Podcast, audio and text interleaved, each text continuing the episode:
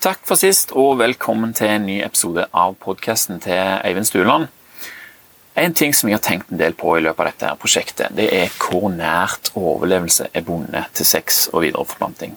Og Det er jo ikke noen hemmelighet at det er forbundet, men jeg tror ikke vi så ofte går rundt og tenker på at det er sånn. Vi er mer vant med å se på sex som noe som vi kan gjøre, noe vi kan nyte, utforske og ha mange følelser rundt, både positive og negative. Eh, sant? Og vi lever i dag et liv der de største truslene kommer fra det vi skaper i hodene våre. Sant? Alle grunnleggende behov er til stede. Vi driver ikke å overleve. Det er vi liksom ferdige med. Vi lever nå. Vi lever lenge med alle slags skavanker, enten de er selvpåført, resultat av en mutasjon eller en eller annen tilfeldighet. Og vi ønsker å navigere habitatet vårt på en måte som skal gi oss det som vi er, er ute etter. da. Og vi kan kun bruke de verktøyene og den informasjonen som vi har. Det er mange unknown unknowns der ute som vi ikke kan benytte oss av. Noen ganger så ramler vi over de i ren flaks, og da åpner det seg nye muligheter for oss. Og det er jo nice. Men kan vi øke sjansen for at denne typen flaks skal finne oss? Jeg tror at vi gjør det når vi lærer oss nye ting som har med oss å gjøre. Da har vi noe nytt å ta hensyn til som gjør at vi legger merke til andre ting som vi kanskje ikke la merke til før. Og Det kan endre vår oppførsel. Å endre oppførsel blir til å endre resultater. Og Jeg vet jo ikke hva disse resultatene skal bli, eller hva disse endringene her skal føre til, men faktum er at det stadig dukker opp referanser fra egne og andres erfaringer i livene våre, og vi handler jo alt etter hva vi, vi, vi tror vi forstår. sant? Hvem vet hva det kan føre til? Jeg lever jo i den tro at ting kan bli nyttige når som helst, og at verdien øker etter hvert så flere ting berøres av denne her tingen som du har visst om tidligere. sant? Så bare sånn, å, det var den, ja, sant? Og så skjer det noe annet. Så, å, så kobler du. Desto flere koblinger du har, desto større, desto bedre stand blir du til å handle etter dette. her. Og Noen ganger så lærer jeg noe nytt som ikke passer inn i min modell av virkeligheten, sånn som jeg ser den eh, for øyeblikket. Og Det betyr jo at noe må justeres. Og Så kan du tenke på det på to måter. Er det leit at jeg har handla feil i frem til da? Eller er det bra at jeg nå har forstått det, og at jeg pga. at jeg eh, trodde noe tidligere, kan skjønne at, eh, at det er en stor fordel å vite det som jeg har nå. Alt har potensial til å endre måten jeg handler på. Og mer jeg, Jo mer jeg vet, desto mer kan jeg vite, og da kan jeg òg gjøre mer. Sånn og et bilde som vi lager i hodet vårt på hvordan vi har utvikla oss, eh, kan gjøre det lettere for oss å forstå våre nåværende tendenser. Kanskje en dag får vi bruk for denne informasjonen, eller vi får lyst til å lære enda mer. Kanskje vi får lyst til å lese en bok om gener eller evolusjon. Gjør det du føler for, men ikke anse dette her som er i disse episodene som mer enn en bitte liten teaser på alt det som finnes der ute. Det er bare en knøttliten brøkdel. Uh, og en ting til, Noe av dette her i denne episoden er repetisjon fra forrige episode. Men ikke bli lei deg for det. Hjernen din den fikk først noe informasjon i denne episoden. Nå har denne informasjonen øh, vært laga og liksom fløter rundt denne der, men den sitter litt løst. sant? Og Hvis ikke noe kommer inn og bekrefter at dette her er noe å samle på, så er det jo større sjanse for at det forsvinner, eller at informasjonen ikke sitter klar til å koble seg opp på nye ting og du får kanskje ikke med deg ting som har med dette å gjøre. Da. Så når man hører noe igjen, så øker jo da så klart sjansen for at ting kan kobles opp mot denne tingen. Er du med? Ok. Så jeg sa vi skal snakke litt om menn og kvinner, forskjellen på det, og det skal vi òg. Blant annet, eh, vi begynner med det. Menn og kvinner de er forskjellige. sant? Vi ser forskjellige ut, og vi fungerer på forskjellig vis. Det, det vet vi jo. sant? Men hvis vi ser dette her fra et evolusjonært perspektiv, så kan vi òg skjønne at vi har forskjellig tilnærming til sex. Og det er gjerne ikke noe sånn som vi tar for en selvfølge i det daglige. Menn vil oftere ha sex, og en god grunn til det er at de kan oftere ha sex i forhold til det. Hvordan vi har eh, utvikla oss i naturen. Det er en billig affære for en mann. Sædceller det har han, eh, har han millionervis av, og han kan lage nye òg hele tida. Han vil gjerne føre genene sine videre. Han går ikke rundt og vil det, men han oppfører seg slik. Sant? Og Algoritmen blir jo litt sånn som dette. her da. A overlev. Hvis A OK, gå til B, og B er forsøk å gjøre noen gravide, sånn at vi, genene, kan leve videre i en annen kropp når du er død. Følg protokoll for forelskelse for å øke det potensialet. Vi kan se for oss at det, at det er noe sånn som det. Og De genene som kommanderer dette, her, de har jo da overlevd i mannekroppen. Nettopp pga. handlingene som disse genene har ført fram gjennom det som oppleves som instinktet til mannen. Genene oppdager noe som de kjenner igjen, som er grunnlaget for at de kan kommandere produksjon av et protein som gjør en endring i individet som kan få det til å gjøre noe, f.eks. Og de individene som får en av sine egne sædceller fusjonert med ei eggcelle, overfører sine egne gener over i et nytt individ med lignende egenskaper. Og det, helt, de, de blir ikke helt like. altså Sønnen min er jo ikke helt lik meg, fordi det er jo blanda med kona mi sine gener. Så det er jo 50 av hver i dette nye individet. Men genene til begge bidragsyterne har jo veldig mange av de samme kvalitetene. Det er stort sett bare detaljer som skiller de. Genene har totalt Genene har totalt sett samme mål, om vi skal kalle det det. Videreføres, eller overleve om du vil, i et nytt individ som er i stand til å sjøl få barn med et sterkt genom som kan overleve videre og videre igjen. Og jenter, sant? Altså, dette, det er sånn det går, og det er veldig fascinerende. Men det er litt vanskelig å få fatt på. liksom. Og Hvis du vil forstå mer av den delen av deg sjøl og verden som vi lever i, så anbefaler jeg igjen at du leser den der 'Selfish Gene' av uh, Richard Dawkins. Mye kan forstås om du vet litt om dette her, men mange ting vil du aldri forstå om du ikke vet noe av det. Sammen. Ok, så Sånn er det for herrene. altså. For damene så utspiller det seg noe annerledes. Det er jo en kjent sak at uh, menn ofte finner damer uh, forvirrende. Det er lett å forklare en mann, det tok bare et lite avsnitt. Damene er mye mer kompliserte, og det skal vi være glad for. For det er kvinnene og deres nøkternhet vi kan takke for at vi i det hele tatt har klart å leve opp i naturen. Og Det er jo så klart et samarbeid, og det er umulig å si uh, hvordan ting hadde vært hvis, hvis sånn og, så, og slik. Men hadde alle hatt samme mentalitet som hen, så tror iallfall jeg at vi ikke hadde kommet til å utvikle hjernen vår sånn som den har blitt eh, i dag. Og i løpet av denne episoden her så håper jeg at du òg forstår litt mer av den sammenhengen der. Damer de har jo ikke evig med egg, sånn som vi gutter har evig med sæd. Kvinner er faktisk født med alle eggcellene som de noensinne kommer til å ha. Og de kan heller ikke bare leve videre og fortsette som før hvis deres egg fusjoneres med en sædcelle. Det er damene som bærer byrden av å videreføre genene. De skal bære barnet fram i ni måneder, for så å med det en stund, og delvis opptil seks år, sånn som vi pleide å gjøre når vi levde for 50 000 år siden. Og Det tar ca. seks år før immunsystemet til et barn er ferdig utvikla, morsmelka supplerer mye av byggesteinene der. Sant? Det er jo andre ting også, selvfølgelig, men morsmelk er veldig viktig. Det er jo viktig desto tidligere det, er, desto viktigere melka, sånn, så avtaler sakte, men sikkert. Poenget er i fall at det krever ekstra kalorier hver eneste dag fra første sekund eh, eggceller begynner å dele seg, og i mange mange år framover. Kvinner bruker lengre tid på å forelske seg enn menn, muligens fordi at de vil være sikrere på om denne karen her vil komme til å hjelpe med å skaffe disse kaloriene i årene som kommer. Og en vil nødig bære dette her ansvaret alene. Sant? Det er de genene som har overlevd hos flest kvinner. De som sørger for at kvinner valgte en mann som gjennom sin demonstrasjon av ferdigheter, omsorg og kapasitet hadde demonstrert sine intensjoner. Intensjoner som kvinner tolka som tegn på at han ville komme til å henge rundt og hjelpe deres felles gener videre.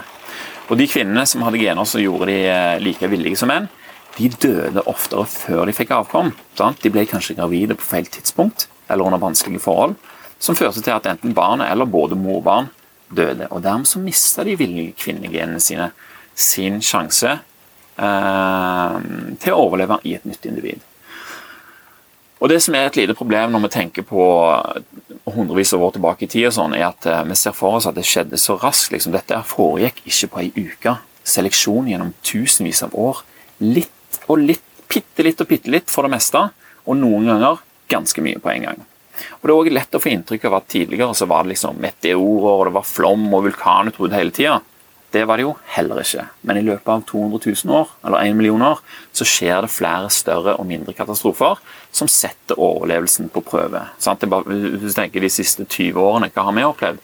Ok, Vi har hatt et par tsunamier, og vi har hatt en islandsk vulkan og litt sånne ting. Det skjer, men uh, ikke hele tida. Uh, og ikke med alle på en gang heller. Sant? noe skjer på en plass på jorda, og noe skjer en annen plass osv. Men summa summarum så er det Vi har liksom en tendens til å tenke sånn ja, survival of the fittest. Det er jo det det heter, og det er jo det det er òg, men vi ser ofte for oss at den fittest er den sterkeste. Men det er ikke tilfellet. Det er den som er best egnet, og det er jo det fitness egentlig betyr. Det er den som er best egnet til å overleve den gjeldende situasjonen eller utfordringen som skulle dukke opp. Og Det kan være en mutert egenskap som ikke gjør noen forskjell til vanlig, men som viser seg plutselig å være hendig i denne her gitte krevende situasjonen. Autofagi f.eks. At du er flink til å resirkulere byggesteinene til cellene dine istedenfor bare å kaste dem. Vi har alle den evnen vi som lever nå. Og de som ikke hadde den evnen, de er vekke. Sånn. De som er i stand til å lære seg å håndtere en ny livssituasjon, de stiller altså eh, veldig sterkt de som tidligere stilte sterkt før den utfordringen, de, de hadde kanskje sånn som så, så jeg. sant? Jeg har jo en fordel hvis jeg skal slåss med en fyr nå fordi at jeg er høy og jeg er tung, liksom. Men det er jo ikke sikkert det er en positiv egenskap når situasjonen er at du eh, at det er lite mat. sant? Og Du trenger for mange kalorier til å kunne overleve denne nye tilværelsen. Og Dermed så ble det gjerne tynne ut i genbassenget i det tilfellet. Det handler om å overleve lenge nok til å få et avkom som òg overlever lenge nok til å sjøl få avkom. Sakte, men sikkert så har de genom som har tålt både det forutsigbare daglige, sant? det som skjer liksom fra dag til dag, men i tillegg så tåler de òg en og annen uforutsigbar katastrofe. Sånn og det er de som har tålt begge disse delene her, som da òg har overtatt en større og større del av genbassenget. Sant? Så nå er vi alle her. Vi, vi kan autofagi sant? og vi kan gå i ketose og alt dette her. Det er fordi at det har vært egenskaper som må sørge for at noen har overlevd en, en vanskelig situasjon. Kan vi se, dette, se for oss Dette er jo bare en sånn enkel forklaring på det. Sant? Men vi, å ha det bildet i hodet er nyttig for oss. Hvis vi skal forstå dette. her. Og De kvinnene som da hadde gener som fikk individet til å uttrykke seg mer skeptisk, kostbare og forsiktige, de fikk kanskje sjeldnere barn, ja, men som oftere tålte disse utfordringene. Sant? Som oftere overlevde. Og Sånn havner vi her i dag der menn fremdeles er, er mer interessert i å ha sex enn det en kvinne er, jevnt over. Og En studie som tok for seg dette, her viser at eh, 75% av menn var interessert i å ha sex når de ble det tilbudt etter en kort date med en attraktiv, attraktiv uh, dame. Som sagt, en billig affære for en, man, en mann. Sant? Det er jo bare sædceller, ok, lage nye. Noen millioner sædceller er brukt, nye millioner på vei.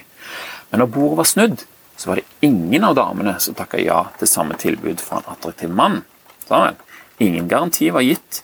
Uh, ingen garanti for årevis med ekstra mat og trygghet var gitt. Det er mange andre faktorer som spiller inn, selvfølgelig, det er ikke så enkelt. Men jeg syns likevel at dette her forklarer at vi genetisk har en forskjellig tilnærming til dette. her. Uh, og Så har vi et eksempel på et moderne smutthull i forhold til dette, som jeg nevnte forrige gang.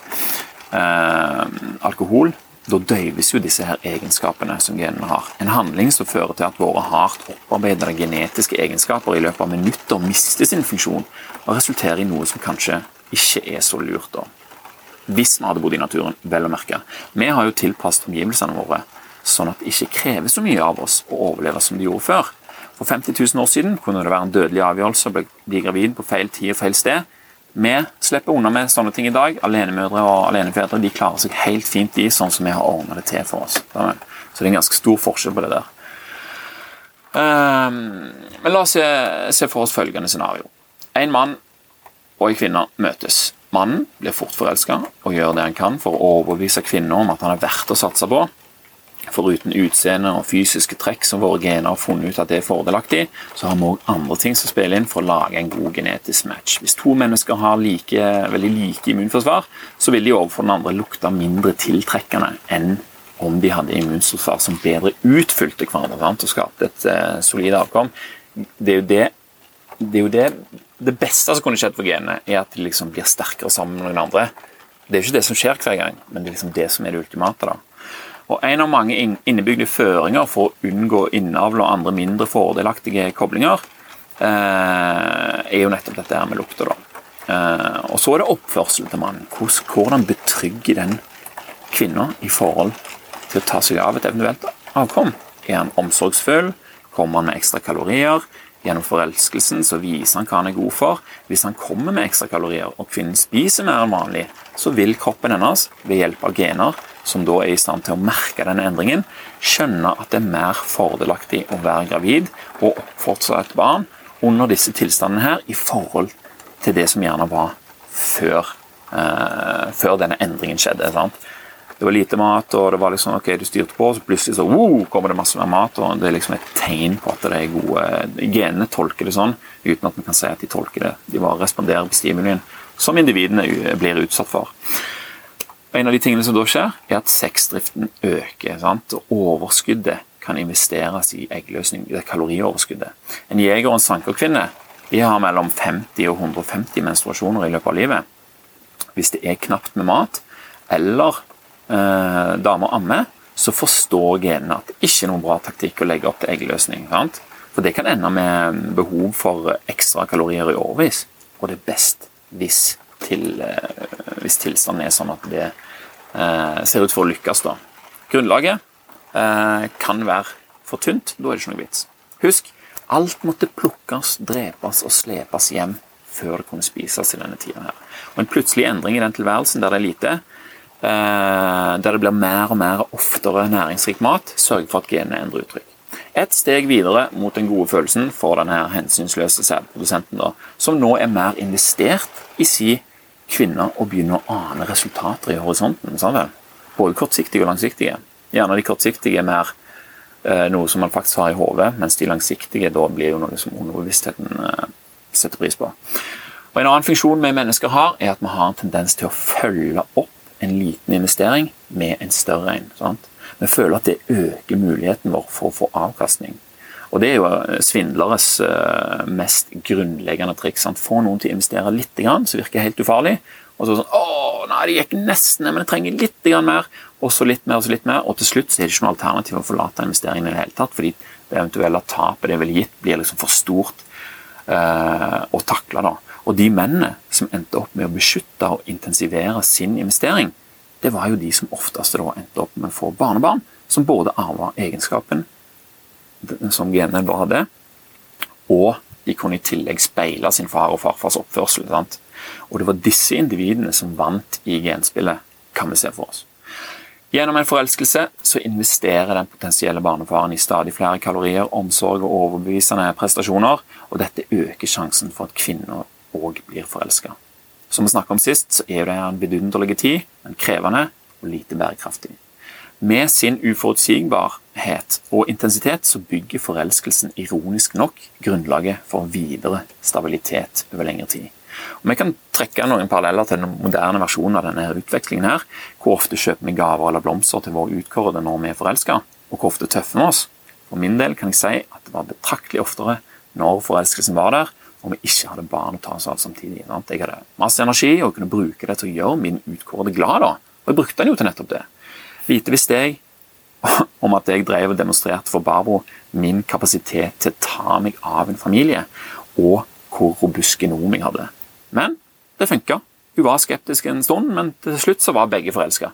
Og det innebar jo da masse sex, masse god mat, sant? kose oss og se på en film der, masse gode følelser, som alt i alt øker sjansen for at hun kan bli gravid. Og etter hvert så bestemte vi oss for å gifte oss og barn, og det krever at vi lever mer stabile liv og unngår unødvendig risiko. Sånn Fallskjermhopping og andre risikable stunt de har nå gått fra the bucket list til the fuck it list. Jeg skal faen ikke hoppe i noe fallskjerm og risikere at mine unger ikke har en far i livet sitt. Fuck it! Jeg har allerede gener å bringe videre. Jeg har ikke lenger samme behov for å vise mitt eh, potensial til Gud og hvermann. Sånn jeg ser det, så er det helt klart en evolusjonær fordel å forbli trofast. Men det, det er jo sånn jeg synes, jeg er jo familiefar og gift og ønsker å beskytte min investering, så det er jo ikke rart at dette er åpenbart for meg. Sant? Men jeg vil jo beskytte min, eh, min situasjon og, og, tenke de tingene som, som, gjør at det er lettere å tåle. Men husk, vi mennesker er mer opptatt av å bekrefte vår egen versjon av ting enn å komme fram til en universell eh, sannhet. En player eller en sneak, eh, som vi kan kalle det, vil jo føle det noe annerledes. Og Det verserer mange teorier om mennesker er monogame eller ikke. Og noen tegn tilsier at vi ikke er det. F.eks. For formen på penishodet, som har den effekten at den vil dra ut sæd som allerede er i skjeden, samtidig som den sender inn sine egne soldater lengst fram. Og Det indikerer jo at det en har vært behov for dette. her. Samtidig er det også sagt at barnet ofte ligner på far etter fødsel, og at dette her er for å betrygge far om at det er hans gener han har investert i oppdrag. Dette er jo aldri bevist, Eh, vi fant bare ut at barnet ligner på begge foreldrene like mye, noe som egentlig ikke fjerner poenget. Men om far finner ut at det ikke er han som er faren, da har han en evolusjonær utfordring. Skal han fortsette å bidra til at noen andres eh, gener overlever, på bekostning av hans egne? Er det han som på en måte skal betale for andre sine gener til å overleve? Da må han jo eventuelt innta en uegoistisk holdning. Eller skal han prøve å finne seg noe annet? Skal han ta livet av ungen til denne her sniken og prøve å lage avkom eh, med sine egne gener? Den utro mora vil jo fremdeles ha barna, for hennes gener er jo investert i det. Og dette her skaper jo da, som vi kan skjønne, problemer. Problemer som den trofaste da, den trofaste da ikke har.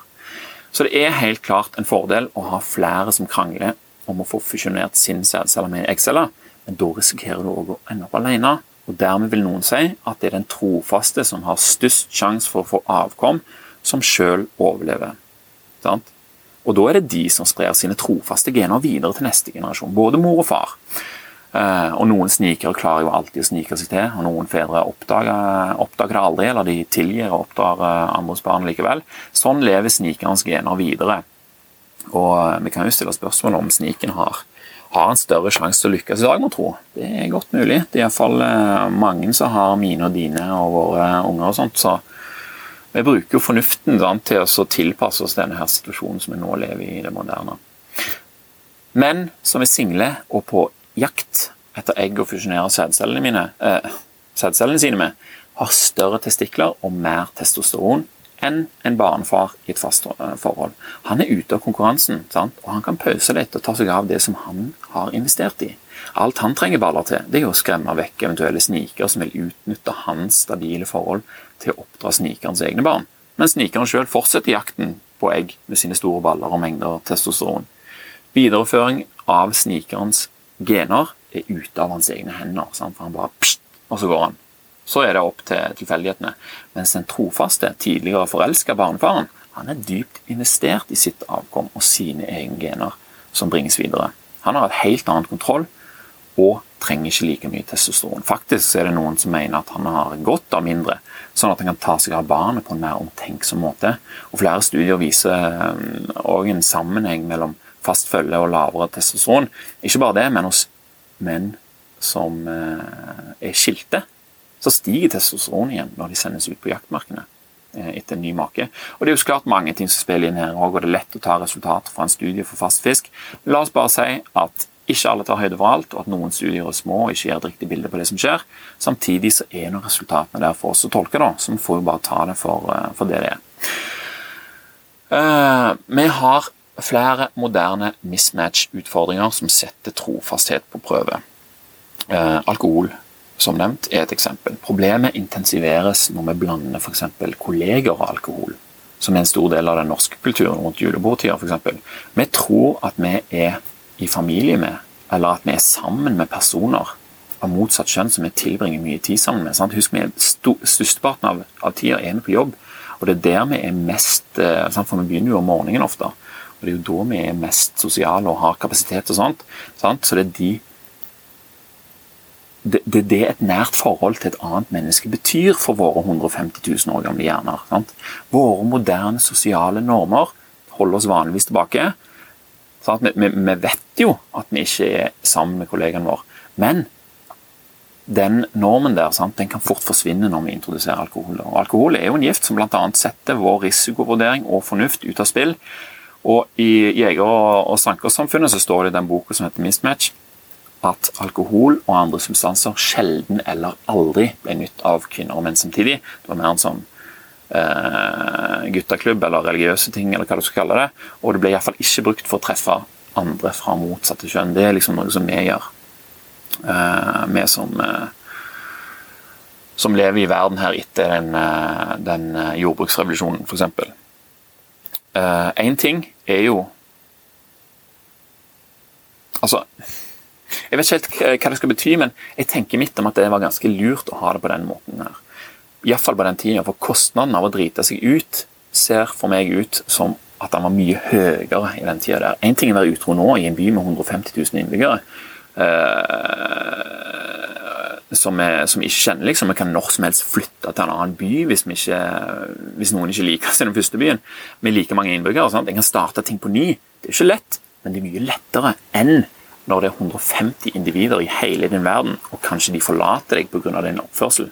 Så altså, da innebar det mye større risiko å drikke seg drit, altså oppføre seg helt, eh, helt utenfor for det som var normalt. Sant? Konsekvensene var hardere. Så Våre kjære huleboere de holder jo sammen. Ekstra mat og forelskelseshormoner fører til massevis av puling, og massevis av puling fører til at damer til slutt blir gravid. Eh, og nå først får jo denne her maten som hjalp til å få sexlysten i sving, noe mer håndfast å bruke kaloriene sine på. Med en gang jeg begynner å dele seg, så er det liksom omtrent 100 ekstra kalorier per dag i starten til rundt 500 ekstra kalorier per dag i siste trimester det er det som går med på å produsere en ekstra person. Og det er heller ikke over med det. Å produsere melk i fem-seks år det krever òg flere kalorier. Kalorier som det i dag finnes mye av. Sant? Vi trenger ikke gjøre noe vanskelig for å få tak i de heller. Tidligere så var dette både vanskelig å få tak i, og vi brukte mer energi på å anskaffe de enn vi gjør i dag. Alt måtte drepes, graves opp, plukkes eller bæres. Eh, eller alt måtte bæres, det mesteparten iallfall. Så det er jo ikke rart at kvinner ville ha en trofast type som kunne hjelpe med til å skaffe alle disse her eh, eh, ekstrakaloriene. Og alle ekstrakalorier kvinner får i seg denne perioden her, vil garantert komme til nytte. Enten til å bygge barnet, til å gi det melk etterpå, eller hvis det er overskudd på toppen av det, så kan vi lagre det sånn at vi kan tåle eventuelle mangler eller utfordringer som skulle dukke opp i framtida. Det er ganske kult hvor eh, bra system vi egentlig har. Og nå er jo dette her paret sammen. Kvinnen er gravid, de var forelska lenge, men følelsene har, mindre, følelsene har, blitt mindre intense. Samtidig så har jo disse kraftige følelsene før de forsvant, danna grunnlaget for vaner som fører forholdet videre. sant? Investert litt og litt og litt, og litt, og så til slutt så er det blitt sånn ok, jeg er vant med dette her nå. Mannen er investert og vil beskytte sin investering, og det begynner å ligne hverdag, dette her. Ekstra mat må skaffes fremdeles, selv om det ikke like enkelt fører til sex som før. Og en utfordring for den villige mannen her uh, Ja, det er jo en utfordring for den villige mannen også i dag. sant? Menn vil oftere ha sex enn kvinner. Og det er greit å vite om hvorfor. Kvinnen bruker alle sine ekstra kalorier på å bygge barnet, ikke på sexlyst og eggløsning. Hvorfor skulle hun det? Det er viktig å sikre sin investering. Energien går til å bygge foster og senere til amming, omsorg og opplæring. Etter fødselen så vil store deler oksytocin, som skal gi denne her altoppslukende omsorgen for barnet. Hvis, hvis du har, Vi kaller det for ammetåker. Eh, når noen har fått en unge. Sant? Det er liksom den verden de lever i. Sant? Og Det er oksytocin eh, som gjør dette her. Og oksytocin fortrenger mye av østrogenet som gir kvinnen sexlyst. Så så lenge kvinnen ammer, så er det mindre sjanse for at du blir eh, gravid. Fordi at du har vanskeligere for å bygge opp nok overskudd til at kroppen setter i gang eggløsning. Kroppen tenker, eller genene tenker, eller de får med seg, eller hva du nå skal si, det er jo ikke det de gjør, men resultatet blir at, eh, at de ikke signaliserer at eh, det er lurt å, å kjøre på med eggløsning. Og Den effekten der er jo sjeldnere i dag, siden kaloritett og næringsrikt mat er lett tilgjengelig, og de færreste ammer lenger enn etter to år. Dessuten så hadde kroppene til jegere og sankermennesker langt flere ting å forholde seg til enn hva vi har i dag. Mattilgang er én. Hygiene er en annen. Vær og vind en tredje. Lista er veldig lang. Eh, og dermed så var det vanlig med seks-syv år mellom søsken. Ikke én, to eller tre, som er vanlig i dag. Mange barn døde tidlig. Og, øh, og, og hvis, hvis mor tenkte at 'oh shit, jeg ble gravid', så har hun faktisk gener som gjør at hun kan tenke at øh, Nei, forholdene ligger veldig dårlig til rette for uh, suksess nå. Eh, F.eks. hvis faren var vekk eller han hadde dødd eller det var lite mat plutselig, så ble barnet kanskje satt vekk eller hun hadde født uh, etter at hun hadde født i ensomhet. Avgjørelsen var i mange samfunn, jeger-sankersamfunn, kvinnens alene, noe som vi kan forstå, ettersom det var hun som må ta den største kostnaden i å beholde barnet. Da. De aller færreste ammer like lenge som før, og vi har jo hele tiden tilgang på kaloritett mat. Moderne erstatninger av barnemat gjør jobben for mor, mens mor sjøl, som ikke aner at hun er ute av skogen for 12 000 år siden, tror at forholdene for å få barn igjen er til stede, siden hun ikke bruker ekstra kalorier på å lage melk. Og det er jo nødt for å være en god potensiell far her, siden det er så mye næring til stede hele tiden. Genene girer den fysiske muligheten for å få barn og det psykologiske ønsket om å få sex om å få sex, om å ha sex øker. Disse gode leveforholdene sørger for at moderne kvinner har rundt 400 menstruasjoner i løpet av livet, mot 50-150 som gjaldt for jegere og sankerkvinner. Menstruasjon er i seg sjøl ikke bare hvis det blir et barn av det, men i seg selv er det en kostbar affære for kroppen. Hormoner skal produseres, det skjer store endringer i livmora, mister blod som erstattes osv. Og, eh, og en annen ting som skjer også nå i forhold til før, er at eh, vi har mye tidligere i puberteten. Og det gjengir òg flere menstruasjoner gjennom livet. Eh, og er i tillegg en av grunnene til at kvinner ofte får brystkreft i dag. Fordi at den, den kostnaden på kroppen gjør at det øker sjansen for at en av disse her cellene plutselig har en en feil i eh, genoppskriften som gjør at ei celle begynner å dele seg ukontrollert. Og Vi snakker i dag om amma i 3, 6, 9 og 12 måneder, og sånne ting, og blir det mer enn det, så kan det hende at folk rynker litt på nesen. Og, og, sånt, og jeg husker jo godt altså Vi tenker jo ut ifra hvor vi befinner oss. Vel? Hvis vi ikke tenker tilbake på hvorfor vi har disse tingene eh, som vi gjerne skulle gjort, og, og sånt, så, så, har vi ingen grunn til å følge dem lenger. Vi har en god grunn til å følge det som vi er interessert i her vi lever nå. Sant? Og Jeg husker godt ei dame i, i kona mi sin barselsgruppe som talte på dager og timer. Hun gjorde ikke det da, men hun gleder seg til det hadde gått tre måneder, for da kunne hun bytte ut fullhamming til sønnen og kunne kose seg med litt vin for seg sjøl. Sånn kan, det, sånn kan, det, være å leve i vårt samfunn. Det finnes gode erstatninger som sørger for at det er enkelt å navigere det moderne livet. Så hvorfor skulle vi ikke bruke det? Vi lever ikke i naturen lenger, det vet vi. Kroppene våre og genene de skjønner det ikke like godt. De tolker fremdeles signalene på gamlemåten. Og En fordel med å vite alt dette her, er at vi får muligheten til å justere vår oppførsel og være mindre utsatt for negative konsekvenser av vår tilstand av evolusjonær mismatch. Er du med på den? Gjennomsnittlig så fikk vi jo da ca. to barn per kvinne, sånn som vi levde da. Og dette var jo lenge før det kapitalistiske systemet var oppfunnet. Og vi forholdt oss meget til at i morgen var så å si helt lik som det som var i går. Stabilt over mange, mange, mange år. Sant? Høvdingen ga ikke beskjed om at folket måtte nå må dere få mer unger, uh, sånn som de begynte med i, den industrielle revolusjonen. om liksom, å, vi må produsere arbeidere. Og Erna hun sier det fremdeles. man får mer unger. Og sånn, det var ikke sånn, det var ikke noe særlig vekst i verken individer eller innovasjon. Et par voksne fikk et par barn, og de, flere, de fikk gjerne flere men ikke alle overlevde. sant? Og Da var det liksom ikke så mye mer tid til å få tredjemann. Tenk deg seks til åtte år per barn ganger to. sant? 12 til 16 år, pluss 3-4 graviditeter som endte i spontanabort eller barnedød. Da er du fort oppe i 20 år. og Hvis ei dame da var kjønnsmoden og var 17-18, så er du da oppe i slutten av eh, Da nærmer du deg 40. Og for jeger- og sankerkvinner, som vi vet i dag, da disse kong, som de heter, eh, stammene, der er det som vanlig at, eh, at damene går inn i overgangsalderen når de blir noen og 40. Sammen. Så da er liksom tida ute, da. Uh, og Dette holdt jo da populasjonen av mennesker stabil i tusenvis av år. Jevnt over mindre mat og høyere forbruk av kalorier gjorde at kvinner ikke ble kjønnsmodne like tidlig som nå. Og næringsrik mat gjennom oppveksten sørger for at dagens mennesker, spesielt jenter, eh, tidligere blir kjønnsmodne. Og vi tenker jo å, det er bra å spise godt, liksom. Å, spise? Å, det er... Men det har sitt eget sett med følger, det òg. Greit å vite om. Kroppen er kanskje klar for å få barn når du er kjønnsmoden, men hjernen er ikke ennå moden for det ansvaret som det innebærer. Den er jo tross alt ikke ferdig utvikla før den er 25. Det var gjennom jordbruksrevolusjonen vi lærte oss teknikker som ga jevnere tilgang til mat hele året. Den naturlige prevensjonen som ammingen ga, den ble jo drastisk korta ned, siden barn raskere sluttet å amme, for de kunne jo spise den maten, sånn grøt f.eks., eller hva nå, de spiste. Samtidig som det hele tiden var tilgang på den typen mat som våre gener forbinder med overflod nok til å få avkom. Sammen. Det førte etter hvert til at vi begynte å få flere barn. Stivelsen i korn den blir jo da korn, det var jo det vi begynte å, stort sett begynte å, å dyrke først. Eh, som bønner. Og Den stivelsen med korn den blir til glukose før den går i blodet og forbrennes, eller lagres som fett i reserve. Glukose i store mengder er sjeldent i naturen. Og finnes det mye glukose i kosten vår, så er det et tegn på gode tider for genene våre. Og Det betyr ikke at det faktisk var gode vilkår, det betyr bare at de gamle genene som baserte seg på et liv i naturen, nå trodde at naturen hadde gode vilkår hele tida basert på denne her eksponeringen av sjeldenheter. Og Glukose det er bare et eksempel som jeg tar her nå for, for å forstå poenget. Det var selvfølgelig mange andre ting som, som spilte inn.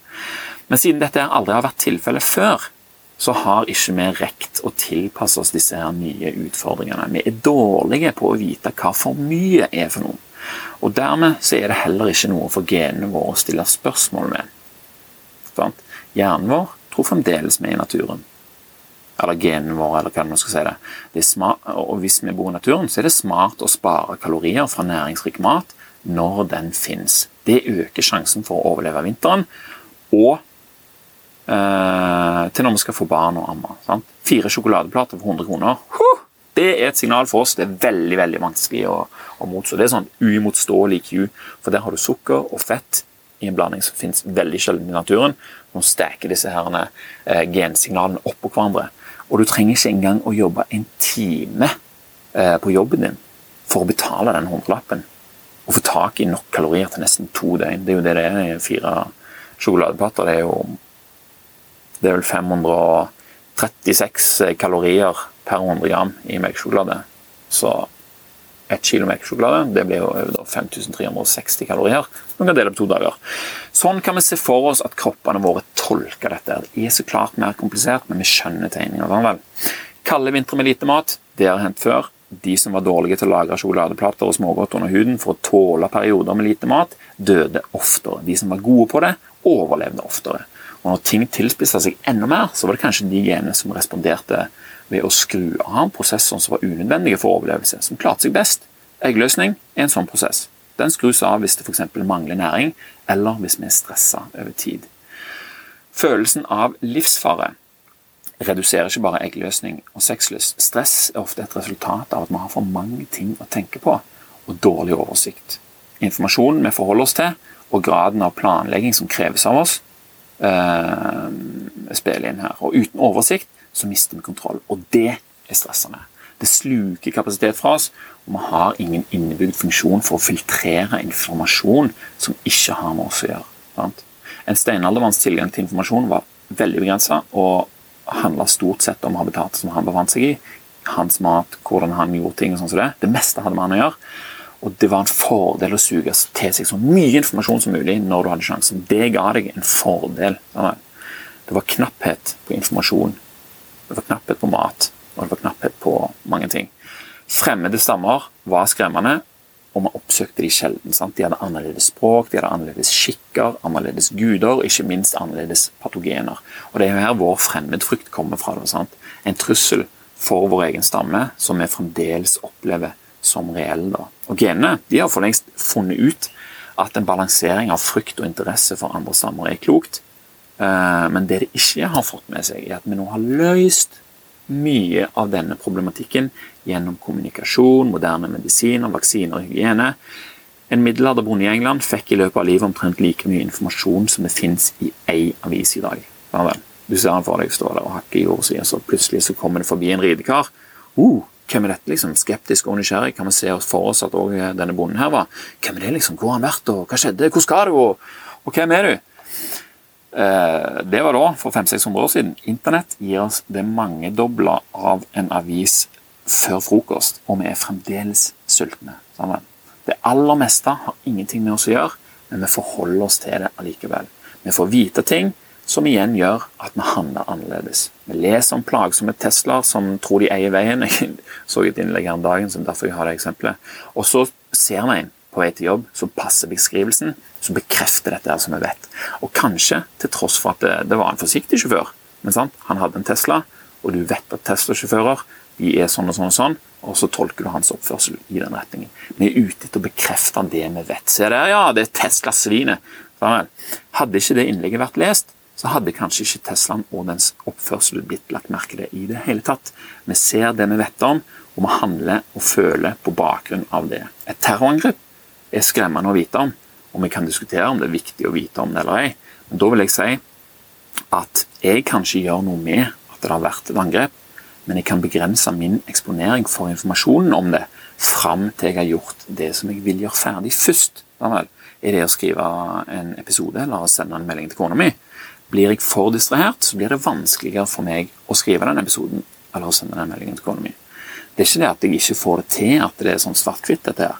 Men det er bare det at det, det, krever mer å holde på de tingene som du har lyst til å gjøre, når det er masse informasjon der som du ikke har helt oversikt eh, eh med. Da. Så Det vil da si at jeg har godt av å spille på lag med mine egoistiske gener fra tid til annen. Da kan jeg bedre ta meg av det som er viktig for meg. Og jeg husker den gode gamle kommentaren til Anna Anka. Eh, den første sesongen av Hollywood-fruer. Jeg skjønte det ikke den gangen, men hun sa om ikke Anna mår bra, så er det ingen som mår bra. Og Den gangen så tenkte jeg herregud, for en ting å si. Men jeg har skjønt det mye bedre etterpå. Vel, hvis hun har det bra, så er jo hun i stand til å hjelpe mange andre, eller, og, òg få det bra. Sant? Og hvis jeg kan gjøre noe for å unngå å få informasjon som ikke har meg å gjøre, så er den informasjonen som jeg ønsker, eller den som jeg foretrekker å ha i min eh, oppmerksomhet, da vil jo den ha en enklere oppgave med å hjelpe meg å få til det som jeg skal ha lyst til å gjøre. Håper du var med på den. Patogener og smittsomme sykdommer det er ikke noe som vi tenker på til det daglige. Sant? Vi har muligheten til å nå milliarder av mennesker, og ikke minst så kan vi sammenligne oss med de òg. Og, øh, det er mulig å ville ha det som vi ser at andre mennesker har. Samuel. Hvis vi ikke hadde sett det, så hadde vi ikke muligheten til å ønske oss det. Samuel. Men med en gang vi ser det, så vet vi at det fins, og da kan vi tenke at vi har det. Sant? Og i det minste så er det eh, Skal vi se hva det står her Ja. Eh, når vi ser at vi ikke har det som andre har, så kan vi oppleve det som urettferdig. Og Det skal vi snakke om litt mer i neste episode. Men alt som skjer, følelser av det vi burde gjøre, som andre gjør, men som vi ikke får gjort, påvirker oss følelsesmessig. Og hvis det påvirker oss følelsesmessig, så, eh, så påvirker det oss òg fysisk. Stress får kroppen til å forberede seg til å enten springe eller slåss eller stivne. Hjertefrekvens, blodtrykk og oksygenopptak øker, mens prosesser som ikke er viktige for en sånn situasjon, reduseres. Som f.eks. For fordøyelse, reproduksjon, immunforsvaret. Det er null problem å klare seg uten disse funksjonene i de minuttene vi faktisk er i livsfare og blir jaga, liksom. Men når vi driver ubevisst og overbeviser hjernen om at vi blir jaga over lengre tid, og veldig ofte, så blir dette her problematisk. Genene gir oss etter hvert kortisol, epinefrin, som skal hjelpe oss på kort sikt. Sammen. Men kortisol epinefrin over tid gir stor slitasje som påvirker bl.a. sexhormonene våre. Og det skjer uten at vi egentlig får det med oss. Uh, og så kan vi se for oss liksom, hva skal genene våre gjøre her nå? Konflikten mellom ekstremt næringsrik mat, som er et godt tegn, og stadig frykt for livet, det foregår hele tiden. Og vi er mer distraherte nå. Sant? Verden forandrer seg raskt. Vi har en følelse av at vi må følge med, men vi kan umulig få med oss alt. Og det vi velger å få med oss, eller det vi ender opp med å få med oss, er jo stort sett det som vi liker. Og det tar vekk kapasiteten til å gjøre det som vi trenger. Ofte, iallfall. Uh, vi har ingen følelse for at vi trenger å gjøre ting som det var en selvfølge at opptok store delen av dagen, store deler av dagen sånn som det var tidligere. Mindfulness det var ikke en teknikk, det var standardinnstillingen. Og det, uh, det samme var knapphet for mat, f.eks. Det er ikke eller Siden det ikke har vært et daglig problem gjennom de 200 000 årene menneskene har vært her, før jordbruksrevolusjonen, altså daglig problem at vi hadde for mye av ting, så har vi heller ingen signaler som sier noe om at vi har godt av å ta vekk noe. Sånn det er vi nødt for å bruke fornuften vår til. Vi må skjønne et eller annet som gjør at vi aha, jeg kan ikke ha for mye av dette her. Og så kan vi gjøre noe med det. Og overstyre på en måte instinktet. da. Fornuften kan kun forholde seg til det en vet om. Eh, vet vi om det, så kan vi gjøre noe. Det er enkelt å vite hva som skal til, men det er ikke enkelt å handle deretter. sant? Det er lett å føle noe i forhold til hva en vil ha, men det er vanskelig å overbevise instinktene om hva en trenger. Og det er mye som tilsynelatende ikke stemmer. Men hvis vi tar med evolutionary mismatch i denne, i denne ligningen, så kan det hjelpe oss å gjøre mening om noe av det iallfall. Vi utvikler oss til å leve under visse forhold. Nå er disse forholdene forandra, mens vi fortsatt er de samme som vi var. Vet vi litt om hvordan dette henger sammen, så blir det enklere å forstå hva andre vektlegger og ikke minst hvordan vi sjøl kan navigere habitatet vårt på en måte som øker sjansen for de resultatene vi foretrekker. Og det er informasjon som faktisk har noe med deg å gjøre. Et stressa hode, et stressa hode har en tendens til å være travel og ukonsentrert. Den har ikke kapasitet til å debattere med instinktene. Sant? reagere mer på dem. Og Det kan distrahere oss fra å ville ha sex, og det kan distrahere oss fra å være til stede når vi har det. Stress kan få oss til å handle irrasjonelt. Kommunikasjonen mellom fryktsenter hjerne og pannelappene strupes, og vi får ikke samme muligheten til å sjekke ting med fornuften vår før vi drikker, spiser eller gjør noe annet som øker den negative effekten som stresset allerede har på oss. Summa summarum så er det med andre ord både enkelt og vanskelig å ha sexlyst og få barn i dag. Lett fordi vi har tilgang på næring, som signaliserer gode tider. Vanskelig fordi vi har informasjon og følelser som stresser oss, som signaliserer livsfare. Å kunne kontrollere noe av dette her er jo det som jeg har tenkt at kan gi den aller største forskjellen for oss. Å finne ut hva den største stressfaktoren er, for så å fjerne den, er en god taktikk. Å eh, finne ut hva har, hva du har for mye av, og så redusere det, er en annen. Selv stimulerer jeg både matknapphet og fysiske utfordringer for å vedlikeholde disse kroppslige funksjonene som jeg vet har vært en fordel for oss tidligere. Sant? Med å faste og sånne ting. Jeg trenger det ikke, men fornuften min sier at det kan være en lur investering som jeg kan få avkastning fra senere. Eh, og jeg har også gått tilbake til min gamle Nokia 3210. Der skjer det lite, skal jeg si deg. Mye mindre enn på iPhonen min. Å strupe den kanalen det var ikke lett, det heller, men det har frigjort masse kapasitet til å tenke på det som jeg vil, eller det som eh, faller seg naturlig for meg, istedenfor å tenke på det som andre presenterer for meg gjennom den kanalen. Pling! Uh, skal jeg tenke på dette nå, liksom? Noe av denne kapasiteten her, som da er ledig etter jeg ditcha iPhonen, den bruker jeg da på å finne ut hvordan jeg kan gjøre kona mi glad, f.eks. Det er jo ikke det det eneste jeg driver med, men litt mer. det vil jeg si. Og det gjør jo igjen meg glad, og ungene våre nyter godt av det òg. Og iblant så blir vi faktisk meg i kona mi akkurat som nyforelska igjen. Og det er digg for oss å vite at vi fremdeles kan dra fram disse gode, gamle følelsene her. Og det kan jeg si deg, det skjer utelukkende når vi klarer å fjerne støyen som finnes rundt oss. Vi må som regel ofre noe vi liker for å få tilgang på noe vi trenger, og det er en av våre største utfordringer.